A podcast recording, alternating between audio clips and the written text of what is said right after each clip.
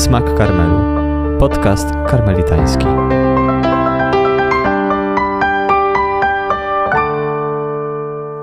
Witajcie w kolejnym odcinku naszego podcastu. Wracamy znowu do serii o świętej Teresie od Jezusa i znowu chcielibyśmy wrócić trochę bardziej do jej historii. Ostatnio zakończyliśmy z ojcem Pawłem Baranieckim małą serię o twierdzy wewnętrznej, a dzisiaj znowu wracamy do samej Teresy. Mieliśmy już okazję przyjrzeć się jej życiorysowi razem z siostrą Lidią Wroną, a dzisiaj jest z nami z kolei siostra Anna, karmelitanka Bosa, która opowie nam o dalszych losach reformy świętej Teresy. Witam bardzo serdecznie. Witam. I zacznę może od takiego częstego skojarzenia, które się pojawia, kiedy słyszymy o Karmelu. No, również wiele osób, które czy Karmelem się interesują, czy nawet do Karmelu wstępują, wspominają, że takim pierwszym określeniem, czy pierwszą cechą Karmelu, z którą gdzieś się spotkali, czy może tym, co jakoś najbardziej rzucało się w oczy, była surowość. Karmel jako właśnie zakon bardzo surowy. Pytanie, czy jest to skojarzenie słuszne, albo czy surowość jest właśnie tą cechą, którą najbardziej można w Karmelu wyróżnić, czy tą cechą, która najbardziej wyróżnia Karmel jako zakon. No i wreszcie, czy w ten sposób postrzegała to święta Teresa? Czy ta surowość od świętej Teresy pochodzi, czy może ma jakieś swoje inne źródła? Teresa żyła w czasach bardzo intensywnego dokonywania się kolejnych reform życia zakonnego.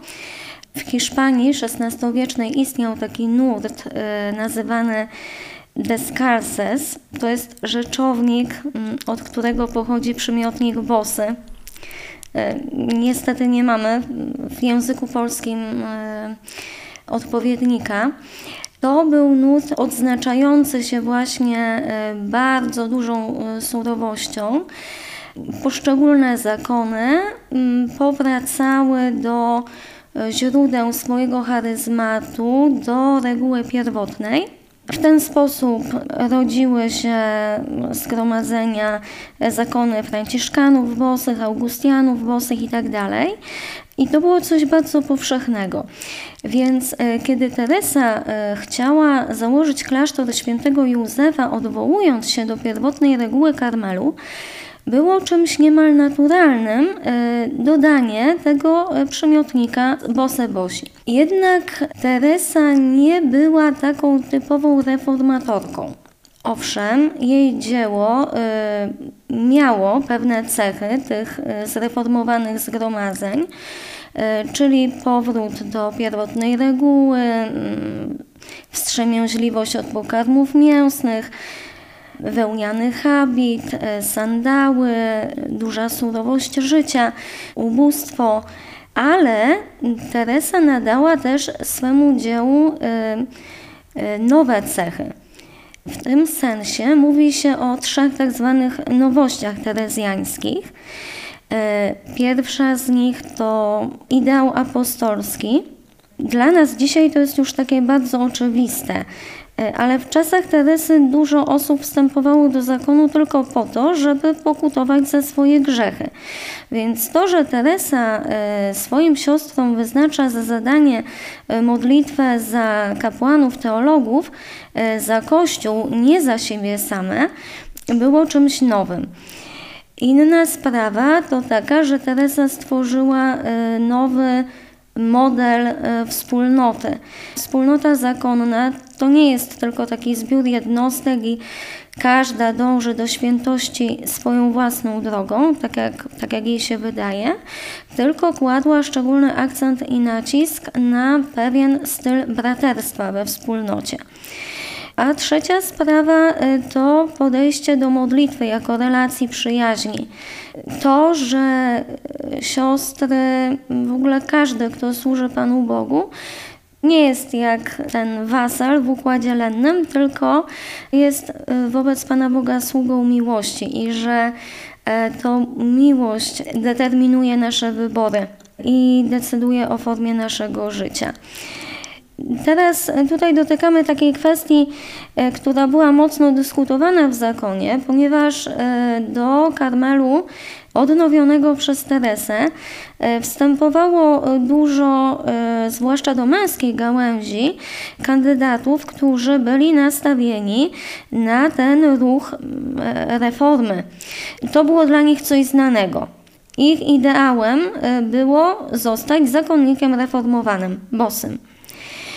Ci, którzy mieli takie nastawienie, mieli dość spory problem e, ze zrozumieniem tego, na co Teresa bardziej kładła nacisk.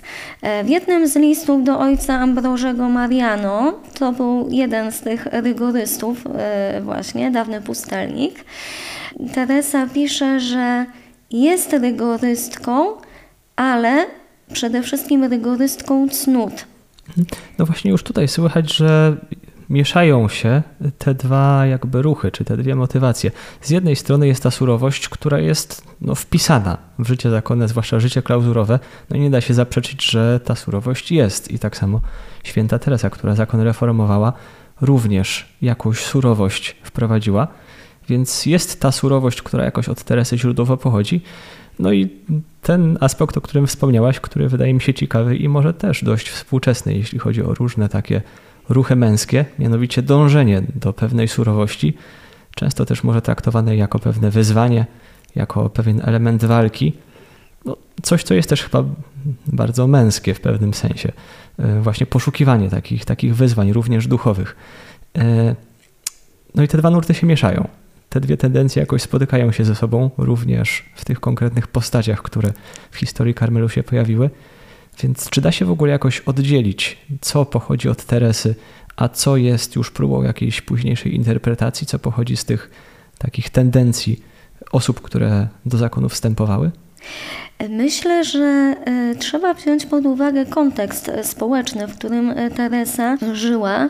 XVI e, wiek, zwany Złotym Wiekiem mistyki hiszpańskiej. My chyba dzisiaj nie jesteśmy w stanie nawet sobie wyobrazić, E, jakby tego klimatu duchowego zrywu, godliwości, który w tamtym czasie panował. E, ponadto było w tamtym czasie sporo takich form, e, które których dzisiaj się nie praktykuje, pokut cielesnych. No, takie rzeczy jak procesje biczowników i tym podobne, to było normalne. E, znamy takie życiorysy świętych, którzy e, umarli z wycieńczenia wskutek długotrwałych postów i tak dalej. I teraz Teresa miała z gruntu słabe zdrowie. Dużo możemy przeczytać o, o jej, jej chorobach, z którymi się zmagała. I ona była E, taką realistką, że jeżeli człowiek ulegnie takiemu e, właśnie zrywowi, takiej pokutnej euforii, no to może sobie bardzo szybko zdrowie zniszczyć, i potem nie będzie w stanie już praktykować e, choćby e, tego pewnego minimum, tego co jest wspólne dla wszystkich. E, dlatego też Teresa stworzyła pewną formę życia. Mówię tutaj w tym momencie konkretnie o klasztorach mniszek, która była bardzo surowa, wymagająca, ale konstytucja i reguła stanowiły pewną gwarancję, jeśli to wypełnicie, Możecie się uświęcić, będziecie doskonałe i nie porywajcie się z motyką na księżyc. Nie dacie rady, prawda? E, tutaj Teresa posługuje się takimi mm, dwoma wyrażeniami, słowami. Jedno to jest suavidad, łagodność, wyczucie, słodycz i drugie discretion, czyli roztropność. Można powiedzieć, że suavidad i discretion to takie dwie cnoty, które dla Teresy e, warunkują e, uchwycenie złotego środka. Tu jest też taki ciekawy motyw, bo z racji właśnie tej surowości, która była e, tylko i wyłącznie surowości i rygoru, poprzez które postrzegano charyzmat karmelitański, nie porównuje się go zasadniczo do dzieła świętego Benedykta. Natomiast owa discretion, roztropność, to jest również cecha, którą jako jedną z najbardziej znaczących cech charakterystycznych reguły świętego Benedykta zwykło się ukazywać. To jest u świętego Grzegorza. Chodzi jakby o to, żeby nie przegiąć ani w jedną, ani w drugą stronę, bo można przegiąć w stronę rygoru i skupić się tylko na tym i może ktoś być bardzo umartwiony, może się zapościć na śmierć, ale być trudną osobą dla innych. I do tego, co jest istotą świętości, nie dojdzie. Z kolei surowość jest potrzebna po to, żeby nie odbić w drugą stronę zbytniej pobłażliwości, e, tego, co w czasach Teresy było plagą życia zakonnego, tak zwane rozluźnienie, relaxation. E, wszystkie te właśnie reformy, które się dokonywały, one były odpowiedzią na to zjawisko. Tylko problem polegał na tym, że od rozluźnienia przechodzono do, do drugiej skrajności. I tutaj e, ta mądrość Teresy, ona potem wybrzmiewa też pięknie w życiu i dziełach jej najbliższych uczniów. Czy to ojca Gracjana, o którym Teresa powiedziała, że nie widziała nigdy osoby, która miała, łączyłaby w sobie taką doskonałość i miała tak wiele tej suawidat, delikatności, łagodności, y, wyczucia wobec innych. Czy to Marii od świętego Józefa, która bardzo wyraźnie ukazuje, pisze, że y, wszystkie skrajności, ekstrema są występne. Prowadzono na manowce która zresztą e, dała się Teresie pociągnąć właśnie przez tą, e, przez tą łagodność i wyczucie. E, czy to Anna od świętego Bartłomieja, błogosławiona, która uczyła się tej suavidadi discretion u boku Teresy. Jest całe mnóstwo świadectw, które pokazują to, to bardzo wymownie. Myślę, że do tych uczniów teraz jeszcze wrócimy w dalszej części, no bo na ich przykładzie też chyba najlepiej widać właśnie, czego Teresa uczyła, a z drugiej strony widać te różne tendencje, które tam się pojawiają i w jak różne strony często próbują to dzieło Teresy ciągnąć. E, wracając jeszcze do tych postaw, właśnie Suavidad i Discretion, rozumiem, że trudno przetłumaczyć to jednoznacznie na polski, ale gdybyśmy mieli wybrać jakieś takie jedno słowo, które najlepiej oddaje. Przy Discretion rozumiem, że byłaby to pewna roztropność. Tak. A Suavidad?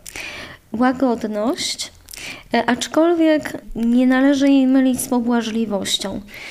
Taka łagodność, która e, po prostu przyciąga innych do siebie i, i wyczucie. Szczególnie w kwestii e, w kwestiach wychowawczych, e, stawiania wymagań, umiejętność rozeznania, co komu służy. Teresie zależało na zbawieniu dusz.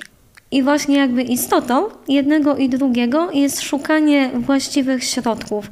E, tego, jak, jak osobę zachęcić, zmobilizować, do y, motywowanego miłością przekraczania własnych ograniczeń i składania siebie w darze Bogu i innym ludziom. Mhm. Tak to pytuję o te cnoty, bo często mówi się o tych trzech cnotach e, świętej Teresy związanych z życiem modlitwy. No i ona sama pisze ten traktat o modlitwie, drogę doskonałości, w której te trzy cnoty, e, oczywiście chodzi o pokorę, wyrzeczenie i miłość bliźniego, są tak wprost wymienione jako te trzy filary modlitwy. No a wydaje się, że tutaj pojawiają się dwie kolejne postawy, które jakoś jak takie zawiasy trzymają tą drogę świętej Teresy, dotyczące już nie tyle samego życia modlitwy, co tak szerzej patrząc, jakiejś formy życia duchowego, prowadzenia, kierowania tym życiem. Czy Teresa opisuje je w jakimś miejscu, tak jak właśnie te trzy cnoty, czy ona raczej nie wymienia ich tak wprost? Czy raczej musimy wyczytać je, no, wczytując się między wierszami w to, co Teresa pisze i jakoś wyciągając je jako pewne wnioski? E, Teresa nie napisała o nich jakiegoś osobnego traktatu. Ich zobaczenie wymaga bardziej takiego wgłębienia się, aczkolwiek nie ulega wątpliwości, że dla Teresy ta łagodność, wyczucie, roztropność to jest kwestia e, wcielenia w życie, wcielania w życie Ewangelii. E, w jedenastym rozdziale Księgi Życia, w szesnastym punkcie, Teresa nawiązuje bezpośrednio do Ewangelii według świętego Mateusza, e, gdzie Jezus mówi, że słodkie jest jego jarzmo. Słodkie, czyli właśnie sławe. Od rzeczownika słabidat, łagodność, słodycz. I mówi tak, słodkie jest jego jarzmo i wielką sprawą jest nie ciągnąć duszy na siłę, jak to mówią, ale prowadzić ją z łagodnością, konsuabidat, dla większego jej pożytku. Czyli, co nie ulega wątpliwości, to ewangeliczny rodowód tej cnoty. Teresa dużo bardziej utrwaliła ją czynami aniżeli słowami, chociaż ona, ona się przewija w jej pismach, w różnych zaleceniach. Takim e, momentem, kiedy ona się uwidoczniła najbardziej wyraźnie, to był czas, e, kiedy Teresa została mianowana przeoryszą w klasztorze wcielenia. I tutaj e, to wydarzenie to jest taki, taki mocny probierz, który upewnia mnie o tym, że to nie jest tylko moja własna interpretacja, ponieważ wielki historyk zakonu, ojciec Silverio, to on właśnie jakby streszcza te rządy Teresy w klasztorze wcielenia dwoma przymiotnikami mocno i łagodnie, po łacinie fortiter et suaviter. Myślę, że tutaj warto jeszcze dorzucić ten kontekst, który już był wspomniany właśnie w jednym z odcinków nagrywanym z siostrą Lidią, no, ale żeby uświadomić sobie, E, czym są te rządy Teresy w klasztorze wcielenia. To znaczy Teresa, która już założyła pierwszy klasztor reformy i przez przełożonych zostaje mianowana niespodziewanie przełożoną swojego poprzedniego klasztoru, klasztoru wcielenia. No siostry e, z poprzedniego klasztoru, kiedy Teresa, reformatorka, przez wiele pewnie postrzegana jako wichrzycielka, czy może właśnie taka surowa, przychodzi jako nowa przełożona, no nie jest traktowana z wielkim entuzjazmem raczej towarzyszy im pewne przerażenie, czy może obawa, czym te rządy będą, czy ona nie będzie chciała wprowadzać do naszego klasztoru zasad tej reformy, którą wprowadziła w klasztorze świętego Józefa. Myślę, że ten kontekst i to początkowe przerażenie sióstr jest ważne, żeby zrozumieć, w jakim kontekście Teresa działała, no i jaką wspólnotą musiała jako przełożona zarządzać. No i myślę, że tutaj można postawić pytanie, czy właśnie te obawy sióstr e, z klasztorów wcielenia, które obawiały się wprowadzania zasad tej surowej reformy, się sprawdziły. W jaki sposób właśnie Teresa tą wspólnotą początkowo bardzo niechętnie do niej nastawioną zarządzała, czy jak ją prowadziła. Jak się czyta tą relację historyczną, jest niesamowita. W ogóle tam był straszny tumult i zamieszanie. To w filmie widać, że siostry jej nie chciały wpuścić do klasztoru w ogóle. One bały się tego, że właśnie ona im narzuci jakieś tam rygory, że zostaną przez nią ukarane. E, tym, co w pierwszym rzędzie zrobiło na nich przeogromne wrażenie, był wielki spokój Teresy, że w tym tłumie rozwrzeszczanych bab Teresa w ogóle nie podniosła głosu że następnego dnia poszła do Komunii Świętej bez spowiedzi, to było dla sióstr takie jednoznaczne, że, że ona się na nie nie gniewa e, w ogóle. Teresa też zrobiła wielkie wrażenie swoją przemową. Ojciec Silverio ją cytuje tak mniej więcej. Wiadomo, że to, to nie jest tak słowo w słowo to, co Teresa powiedziała, ale e, ona się bardzo jakby wczuła w sytuację sióstr. E, mówi, że przykrość sprawiła mi ta nominacja, gdyż powierzono mi zadanie, którego nie będę potrafiła wypełnić. Tutaj już od razu jakby uderza jej pokora, nie? Ona przychodzi jako reformatorka, która już e, fundatorka założyła pierwsze klasztory i ona e, jakby, jakby nie mówi od razu, że ma receptę. E, kontynuując, jak również dlatego, że Wasze miłości pozbawiono prawa przeprowadzenia wyborów, narzucając im przeoryszę wbrew ich upodobaniu i woli, taką w dodatku, która wiele mogłaby nauczyć się od najmłodszej z Was. Teresa nie stawia się ponad, tylko staje jakby w jednym rzędzie z nimi. No, wręcz można powiedzieć, że jakoś podważa swój autorytet, no bo mogłaby skorzystać z tej okazji, że została nominowana przez wyższego przełożonego, no i w ten sposób zaznaczyć swoją władzę, że siostry nie mają tu nic do powiedzenia. No ona wręcz się wycofuje. No, wiem, że nie zostałam wybrana, mówiąc w dzisiejszych kategoriach demokratycznie, e, no i dlatego z jakąś szczególną delikatnością do tego podchodzę wydaje mi się, że widać tutaj bardzo dużą też jej dojrzałość, że ona nie potrzebuje takich mocnych akcentów, żeby zaznaczyć, no, kim jest, żeby odnaleźć to swoje miejsce we wspólnocie, czy żeby zdobyć w niej autorytet.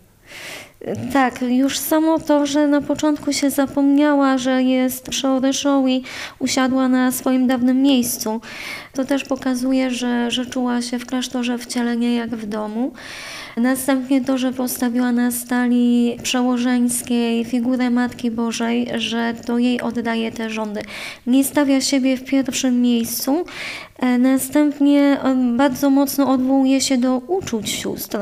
Mówi bowiem, przychodzę po to, by wam usłużyć i dogodzić, w czym tylko będę mogła. Oczekuję, że wspomoże mnie w tym bardzo Pan, w pozostałych sprawach którakolwiek z Was mogłaby uczyć mnie i poprawiać. Zobaczcież więc, panie moje, co dla której mogę uczynić, choćby to była krew i życie, chętnie je oddam. Dalej, jakby ona się bardzo, mm, bardzo buduje mm, bliską relację z siostrami. Córką jestem tego domu i siostrą Was wszystkich.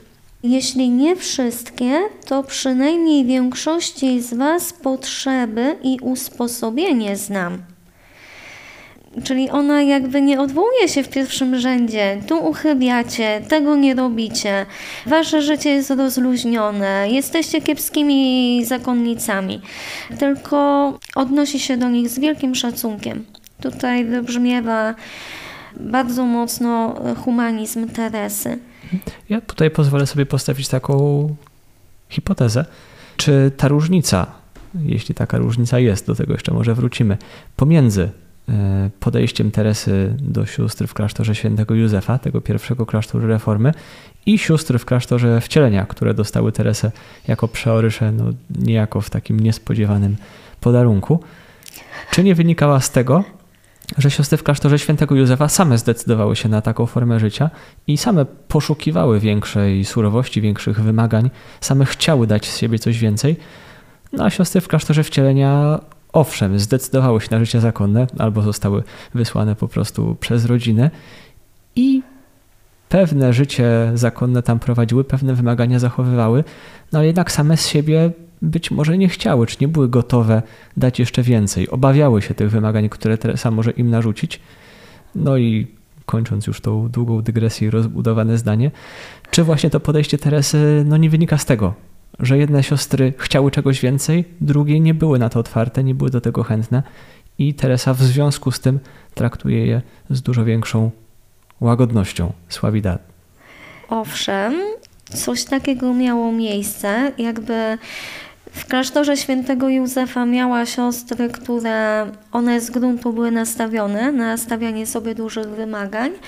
E, natomiast w klasztorze wcielenia wiele sióstr zasmakowało już w takim życiu wygodnym i trudno im było pewne rzeczy zostawić.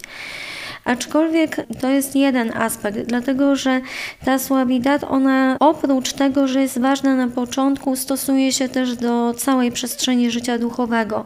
E, dlatego, że z czasem, jak Teresa zakładała kolejne klasztory i siostry e, wzrastały w powołaniu, coraz dłużej było, były w klasztorze, e, okazywało się, że były takie osoby również w klasztorach już reformowanych, które na początku miały wiele wielki zapał, a w pewnym momencie zaczynały odczuwać znużenie, to te tak zwane melancholiczki.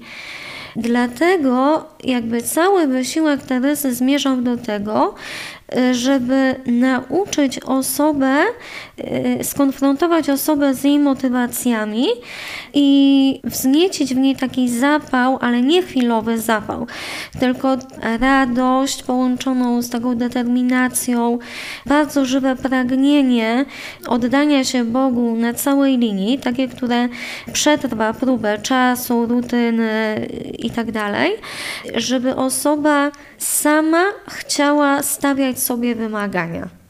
Tak, no i ja tutaj uzupełnię swoją własną wypowiedź, bo tak jak siostry na początku zareagowały na Teresę dużym niepokojem i obawą, tak już po kilku latach ta postawa zmieniła się diametralnie i w zasadzie zupełnie się odwróciła, że Teresa została wybrana na przeorsze wbrew woli wyższych przełożonych, co wywołało z kolei ich wściekłość. Więc widać, że podejście sióstr do Teresy bardzo znacząco się zmieniło. No ale też z tych opisów Teresy, z historii, którą pisze, widać, że zmieniła się również taka wewnętrzna postawa sióstr, czy kondycja wspólnoty w klasztorze wcielenia. Więc Teresa z jednej strony na początku podchodzi właśnie z dużym takim wyczuciem, delikatnością do sióstr, które są pełne obaw, z drugiej jednak potrafi wykrzesać z nich coś więcej. Tak. Pierwsza sprawa to było uspokoić nastroje i, i to, że, że ona im okazuje zrozumienie. Tutaj chciałam nawiązać jeszcze do dalszego ciągu wstępnej przemowy Teresy, który, po, która pokazuje, że ta słodycz i łagodność Suabidat to jest rzeczywiście pewien program Teresy. Jeśli Fundując klasztor świętego Józefa, e, Teresa dwukrotnie w 36 bodajże rozdziale Księgi Życia zaznacza, że to ma być taka forma życia, e, którą siostry przeżywają z radością, z tak wielką słodyczą, contanta suavidad, to rozpoczynając rządy w klasztorze wcielenia, Teresa zachęca siostry Moim pragnieniem jest, byśmy wszystkie ze słodyczą i łagodnością, konsuabidat, służyły Bogu i z miłości do tego Pana, któremu tak wiele jesteśmy winne, wypełniały to niewiele, co nasza reguła i konstytucje polecają. Dobrze rozumiem naszą słabość, która jest wielka, lecz tam, gdzie nie zdołamy dojść naszymi czynami, sięgajmy naszymi pragnieniami. A Pan, jako że jest miłosierny, sprawi, że pomału nasze czyny zrównają się z intencją i pragnieniem. Taktyka Teresy: rozbudzić pragnienie, rozbudzić miłość do, do Boga. Dalej Teresa okazała się bardzo dobrym strategiem. Ojciec Silverio opisuje jakby poszczególne etapy reformowania życia w klasztorze wcielenia. Pierwsza rzecz, tam była bardzo wielka bieda. Siostry nie miały co jeść. Niektóre jadały po kątach e, w celi, inne, e, inne chodziły głodne. Więc e, pierwsze, o co Teresa się zatroszczyła, to o jedzenie. Wiemy, że ona miała tą zdolność do pozyskiwania tych dobrodziejów. Potem dopiero po zaspokojeniu tych pierwszych zewnętrznych potrzeb sióstr wzięła się za to, co najbardziej rozkładało ich życie, czyli ogromną ilość spotkań w rozmównicy i wyjść z klauzury. I tutaj Teresa postawiła już bardzo jasne granice, wysokie wymagania. Echa tego można wyczytać w listach. Teresa była świadoma, że dla niektórych sióstr ta zmiana zwyczajów równa się śmierci i one o tym mówiły, ale chodziło jej o to, żeby stworzyć atmosferę skupienia i milczenia. E, następnie motywowała siostry do postępu w cnotach, e, rozbudzając w nich zamiłowanie do modlitwy i umartwienia. Potem osobna kwestia to jeszcze obstawienie urzędów domowych, takimi siostrami, które będą dobrym łącznikiem pomiędzy nią jako przełożoną, a wspólnotą, tak żeby to wszystko razem szło do przodu jako taka zgrana współpraca. I na końcu kwestia, e, najdelikatniejsza kwestia sumienia, e, kiedy przyprowadziła im świętego Jana od krzyża, mówiąc, że przywiodła im właśnie tego, tego ojca, który jest święty. Mhm. No, ja bym stąd wydobył takie dwa elementy, jakoś podsumowując.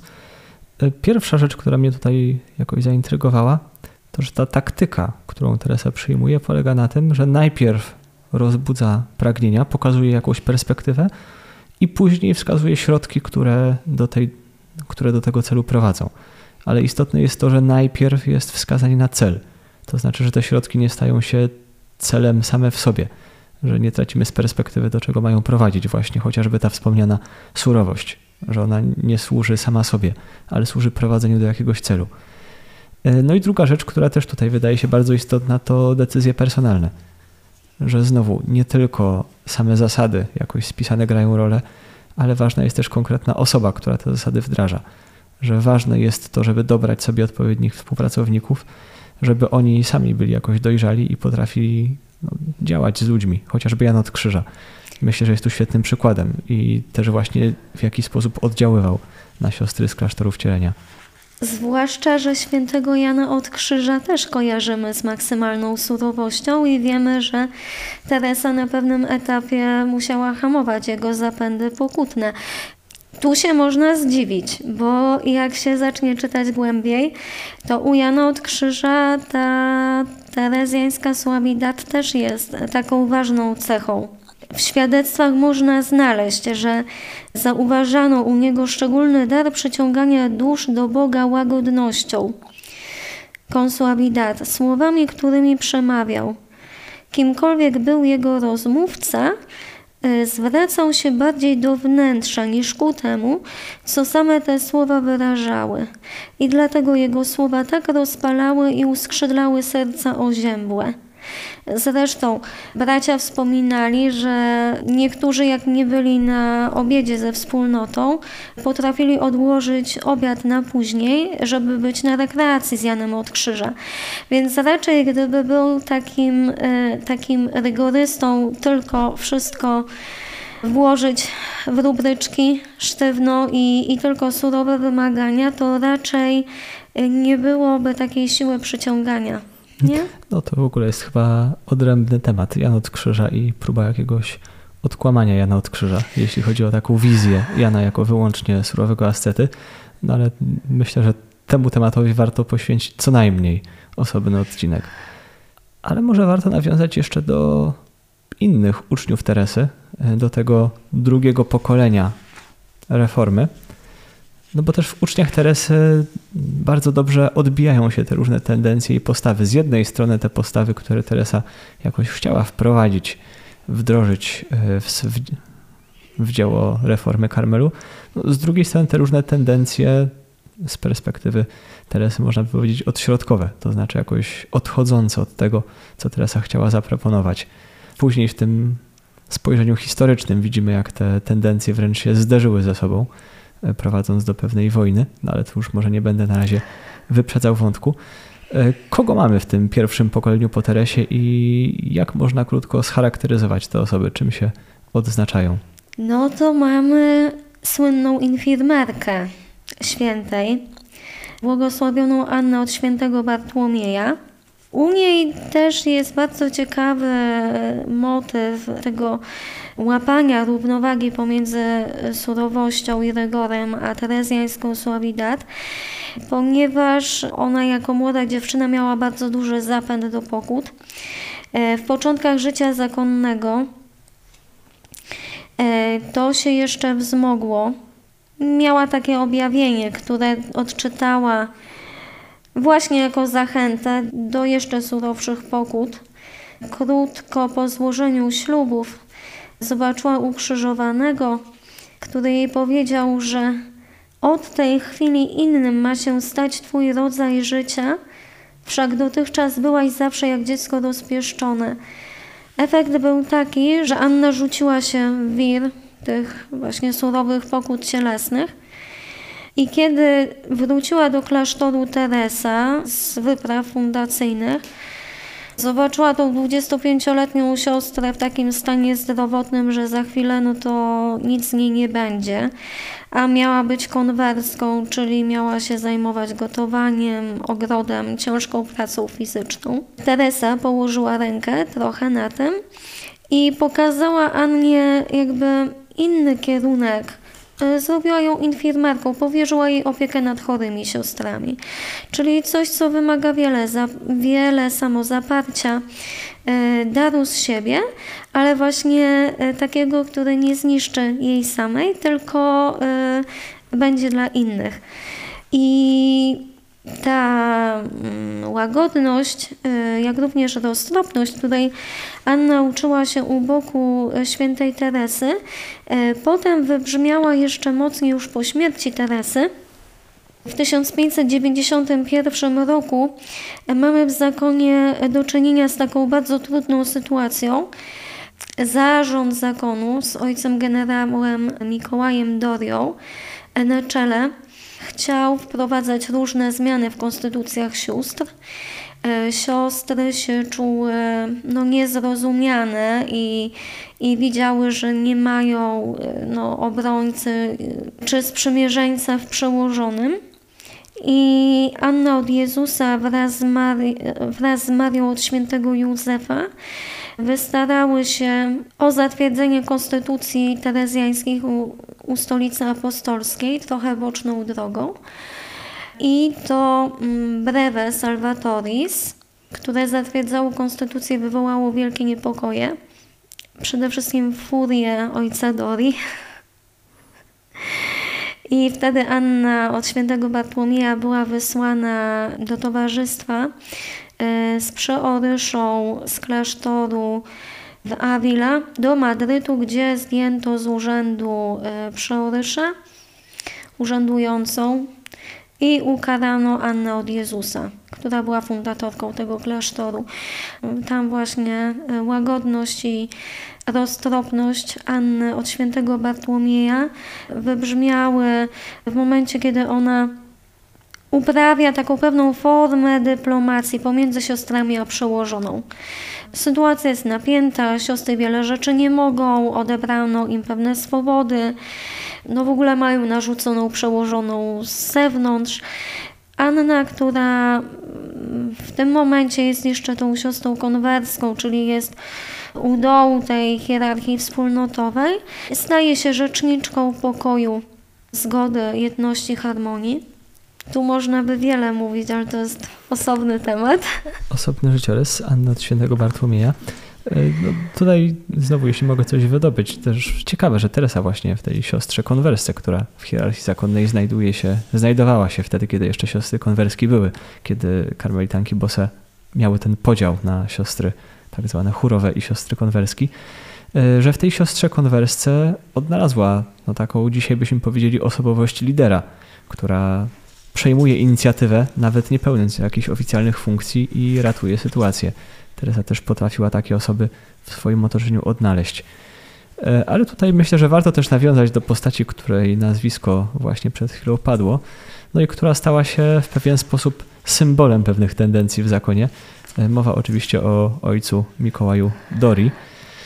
No nie jest może jakoś szeroko poza Karmelem kojarzony, ale w Karmelu ma taki status pewnej jeśli legendy, to czarnej legendy. E, w każdym razie jest to nazwisko w jakiś sposób przysłowiowe. Kim był ojciec Mikołaj Doria i czym tak się wsławił? Ojciec Mikołaj Doria był Włochem, yy, kupcem z zawodu. Wstąpił do Karmelu dosyć późno. Miał bodajże 37 lat. Na tamte czasy to było bardzo, bardzo późno.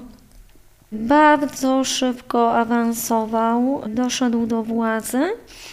I już w 1585 roku zostaje prowincjałem karmelitów bosych po ojcu Gracjanie. Czy jesteśmy w stanie jakoś odtworzyć, co spowodowało tak szybką ścieżkę awansu? Myślę, że mógł się jawić jako człowiek doskonały. Na pewno to, z czego słynął, to była wielka godliwość. To było też potem takie bardzo e, właśnie powodujące pewien podział i rozdarcie w zakonie. uchodził za bardzo godliwego. Tego nie można było mu odmówić. Niedarmo nazywa się go lwem Karmelu. On chyba miał coś takiego, że po prostu umiał przedstawić się też jako autorytet. Miał takie zdolności kupieckie, y, dużo takiego sprytu. Y, no i na tamten czas jawił się w początkach tej, tej reformy, kiedy no oni wszyscy byli w większości młodzi ludzie. Y, no przecież na przykład Maria od świętego Józefa, jak została fundatorką w Sewilli, no to miała 27 lat, 5 lat w Karmelu. I ona już na tym etapie była zdolna przekazywać dalej charyzmat Teresy jako spadkobierczyni, taka duchowa. Ojciec Doria, no on chyba tą godliwością właśnie pociągnął. Na pewno jawił się jako taki bardzo atrakcyjny dla wszystkich zwolenników tego skrajnego rygoryzmu. Święta Teresa też bardzo go ceniła. W wielu listach widać ten wielki szacunek, czy wręcz może podziw, jakim go obdarza. Tak, ale widziała też pewne niebezpieczeństwo. Mm, ona chyba tak jakby nie potrafiła tego tak, tak do końca sformułować, ale w jednym z listów pisze do Dori, żeby nie był takim mohigato, takim podstępnym kotem, kimś, kto jest taki niby pokorny, przymilny, nieśmiały, ale nie wiadomo, co ma za skórą. I na czym polegał ten kierunek, który ojciec Doria nadał. To znaczy, no już nie tyle nawet kim był on sam, tylko czym jest to e, piętno, które na historii Karmelu wycisnął, czym się właśnie wsławił w historii Karmelu.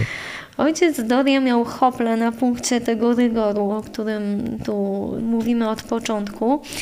I na punkcie tak zwanej obserwacji życia zakonnego, czyli żeby to życie zakonne regularnie płynęło, y, były jasno ustalone wszystkie prawa, jak najbardziej szczegółowe, żeby uchronić zakonnika przed wszelkim niebezpieczeństwem zbłądzenia. I to była jego obsesja. Mhm. Czy Ojcu... klasztor, który funkcjonuje jak taki zegarek, w którym wszystkie tryby pięknie chodzą i no nie spóźnia ani o sekundę. Y, dokładnie. Tutaj bardzo różnił się od ojca Gracjana, ulubieńca świętej matki.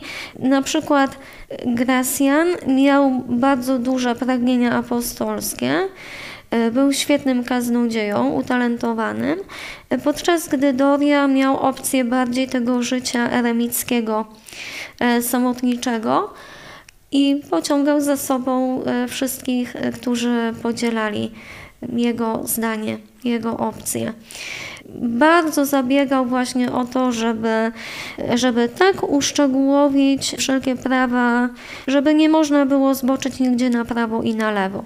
I to było źródło konfliktu, który się wywiązał pomiędzy nim a siostrami, dlatego że odebrał siostrom na przykład wolność wyboru spowiednika, nałożył na przykład takie prawa, że żaden z karmelitów bosych nie mógł sióstr tak po prostu w podróży mniszek odwiedzić, żeby go poczęstowały czymś, y, żeby jakaś była wymiana wzajemna.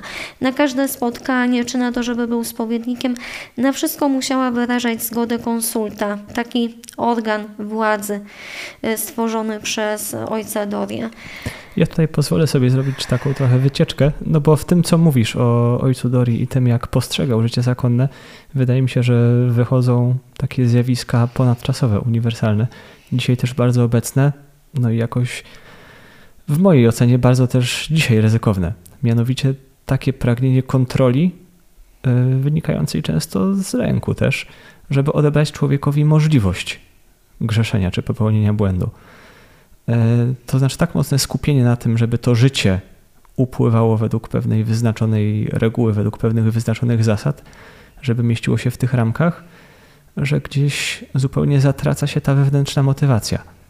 A że to ta wewnętrzna postawa jest tym, co istotne, że ja chcę w ten sposób żyć dla Boga, a nie, że zachowuję pewne zewnętrzne ramy, bo po prostu ktoś takie z zewnątrz ustawił, żebym już nawet nie był w stanie ich przekroczyć no, wydaje mi się, że jest to prosta droga do właśnie zagubienia istoty tego, o co chodzi.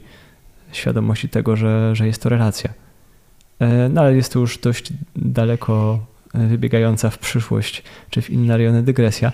Nie wiem też, no, na ile jesteś skłonna się pod nią podpisać. Dla Teresy było ważne, żeby człowiek służył Panu Bogu z wewnętrzną wolnością i radością. A jeśli zrobimy z tej służby Bożej taki sztywny gorset, no to pytanie, czy rzeczywiście o to chodzi. To już wracając z tej dygresji, e, może warto wspomnieć o jeszcze jednej postaci, która również bardzo mocno zaznaczyła się w historii Karmelu. No i tak jak wspomniałaś, e, osoba, która była ulubieńcem świętej Teresy, mianowicie ojciec Hieronim Gracian, który w pewnym okresie wszedł w ostry konflikt z ojcem Mikołajem Dorią. E, kim był właśnie drugi z tych bohaterów historii i no, jak ta historia się potoczyła? Ojciec Gracian był wnukiem ambasadora króla polskiego na dworze hiszpańskim, Jana Dantyszka. Wychowany na dworze, świetnie wykształcony, jego ojciec tłumaczył pisarzy starożytnych. Od wstąpienia do Karmelu bardzo szybko wpadł w oko Teresie, która wyczuła w nim bratnią duszę. Myślę, że wiele przemawia za tym, że tą cechą, która Teresa tego Gracjana pociągała, była ta właśnie jego sławidat, łagodność, wyczucie jako pewna cecha charakteru. O tym Teresa wyraża się z wielkim uznaniem. Ona sama też pomagała mu to pielęgnować, udzielała wskazówek, jak posługiwać się tą cechą w bardzo delikatnej misji wizytatora apostolskiego, kiedy jako w sumie młody zakonnik reformowany Gracjan udaje się do klasztorów e, karmelitów trzewiczkowych, którzy reformować się wcale ochoty nie mają. Wiemy z historii, że tam w jednym momencie e, ledwo uchodzi z życiem w takiej właśnie sytuacji. Gracjana też cechował olbrzymi szacunek wobec Teresy i w ogóle osoby kobiety. E, w tamtych czasach to było no, zupełnie nieoczywiste, e, bo jednak światem rządzili mężczyźni. Natomiast Gracjan był tym, który uznawał zasadniczą rolę Teresy w dziele, w które wszedł, e, które kontynuował. Rządy Gracjana odznaczały się tym, że on właśnie umiał jakoś, miał na względzie to dobro dusz, żeby nie wprowadzać zmian ostrzem i mieczem. Teresa e, pisze o nim e, w księdze fundacji, choć bowiem nie przepuszcza żadnego braku, gdyż w najwyższym stopniu ma na względzie wzrost jakości życia zakonnego, czyni to z tak ujmującą łagodnością, sławidat, że wydaje się, że nikt nie jest w stanie skarżyć się na niego. E, skarżyć się to bardziej dotyczy sióstr, bo Teresa i mniszki właśnie były bardzo zadowolone z Gracjana jako prowincjała i, i z tego, że, że on je rozumie. No, ma wyczucie, gdzie postawić granice, gdzie dać pewną swobodę. Natomiast e, jego współbracia po większej części rygoryści e, nie byli z tego zadowoleni. I w sumie już przy końcu pełnienia urzędu prowincjała ojciec Hieronim musiał się tłumaczyć ze swych posunięć.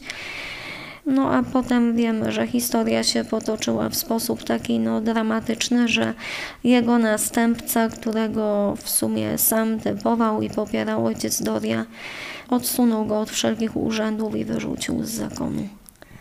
O tej historii pewnie długo jeszcze można by rozmawiać, ale już zbliża się czas lądowania. Na końcu jeszcze zadałbym takie pytanie, znowu może trochę już wybiegające poza tą historię terezjańską, to znaczy jaki morał z tej historii możemy wyciągnąć? Bo mamy Teresę, która właśnie wychowuje swoje siostry w duchu sławidat i discretion, czyli tej słodyczy łagodności i roztropności. No i mamy później uczniów, którzy w różny sposób to dzieło starali się kontynuować, stawiając akcenty bardziej w tym albo w innym miejscu. Co z tego dla nas wynika? Czy co mówi nam o naszym życiu duchowym i w jaki sposób je prowadzić? Myślę, że Teresa przestrzega nas e, przed skrajnościami. Z jednej strony takiej zbytniej pobłażliwości, spolegliwości, dogadzania sobie życia nazbyt komfortowego, wygodnego, a z drugiej strony przed skrajnością takiego słomianego zapału, który rzuci się na e, bardzo wielkie dzieła, czego to bym Panu Bogu nie oddał i czego dla Niego nie zrobił, ale, ale niszczącego, krótkotrwałego, bez fundamentu. Teresa pokazuje, że jeżeli jakaś odnowa w naszym życiu i gruntowne nawrócenie może się dokonać, e, to dokona się przez suavidat i discretion, czyli łagodność i roztropność, taką łagodność, która umie stawiać wymagania tam, gdzie trzeba postawić jasne granice, i taką surowość, która widzi człowieka, kieruje się miłością i ma wyczucie tego, co służy danej osobie e, w danej sytuacji, co faktycznie pielęgnuje miłość i pozwala w niej wzrastać nam wszystkim. No w przypadku Teresy mówimy też o pewnym konkretnym kontekście wspólnoty zakonnej, gdzie Teresę widzimy przede wszystkim jako przełożoną i formatorkę, która formowała siostry w tym duchu Suavidat i Discretion. Y, jeszcze może właśnie ostatnie już pytanie na koniec. Czy można też odnieść to do siebie? To znaczy, czy sami siebie w naszej autoformacji, w naszej drodze do Boga możemy jakoś w duchu tego Suavidat i Discretion y, kształtować? Czy jest to raczej coś, co dotyczy takiego aspektu pedagogicznego w stosunku do innych? W stosunku do samych siebie jak najbardziej. Teresa chyba w pierwszym rzędzie uczyła się tego właśnie na drodze zmagania swojego e, o modlitwę. I jakby pierwsze takie zalecenia Teresy, które mówią o Suabidat, to są właśnie zalecenia dotyczące modlitwy. Na przykład wśród listów znajdujemy jeden skierowany do księdza Teutonio de Braganza, e, który zwierzał się Teresie ze swoich e, trudności w modlitwie i Teresa tak mu e, radzi, pokazując jak nie wywierać presji i nacisku na siebie samego i co zrobić, żeby rzeczywiście postąpić naprzód. Tak pisze. Co do chęci wyjścia z modlitwy, jaka ogarnia waszą przewielebność, proszę nie zwracać na nią uwagi, ale raczej wielbić Pana za pragnienie odprawienia jej. Znowu mamy pragnienie. I uważać, że wola tego chce i lubi przebywać z Bogiem. Ściśnięta smutkiem trwoży się, gdy odczuwa, że wywiera się na nią nacisk. Niech wasza przewielebność stara się czasem, widząc się ściśniętym, pójść tam, gdzie będzie widział niebo i trochę pochodzić, gdyż bynajmniej przez to nie zaniecha modlitwy, albowiem trzeba zręcznie wspomóc tę naszą słabość, aby nie gnębić natury. Wszystko jest szukaniem Boga i dlatego idąc do Niego, szukajmy odpowiednich środków, bo z wyczuciem i łagodnością konsłabidat należy prowadzić duszę. Myślę, że dla Teresy y, właśnie jednym z takich podstawowych doświadczeń, które pozwoliło jej zrozumieć, jak istotna jest ta łagodność i wyczucie, y, były właśnie włas swoje własne zmagania. Teresa jakby najpierw doświadcza tego suabidat Pana Boga wobec siebie, potem uczy się tego, stosować tego wobec samej siebie, a następnie serwuje to innym. I pokazuje, że jeśli chcemy osiągnąć takie dobre efekty na drodze modlitwy, wzrastania w cnotach, to nie chodzi o to, żeby robić cokolwiek siłą przemocą, wywierając ją wobec siebie czy wobec innych. E, tutaj też używa takiego sformułowania siłą swoich ramion, a fuerza de brazos, ale raczej sprytem.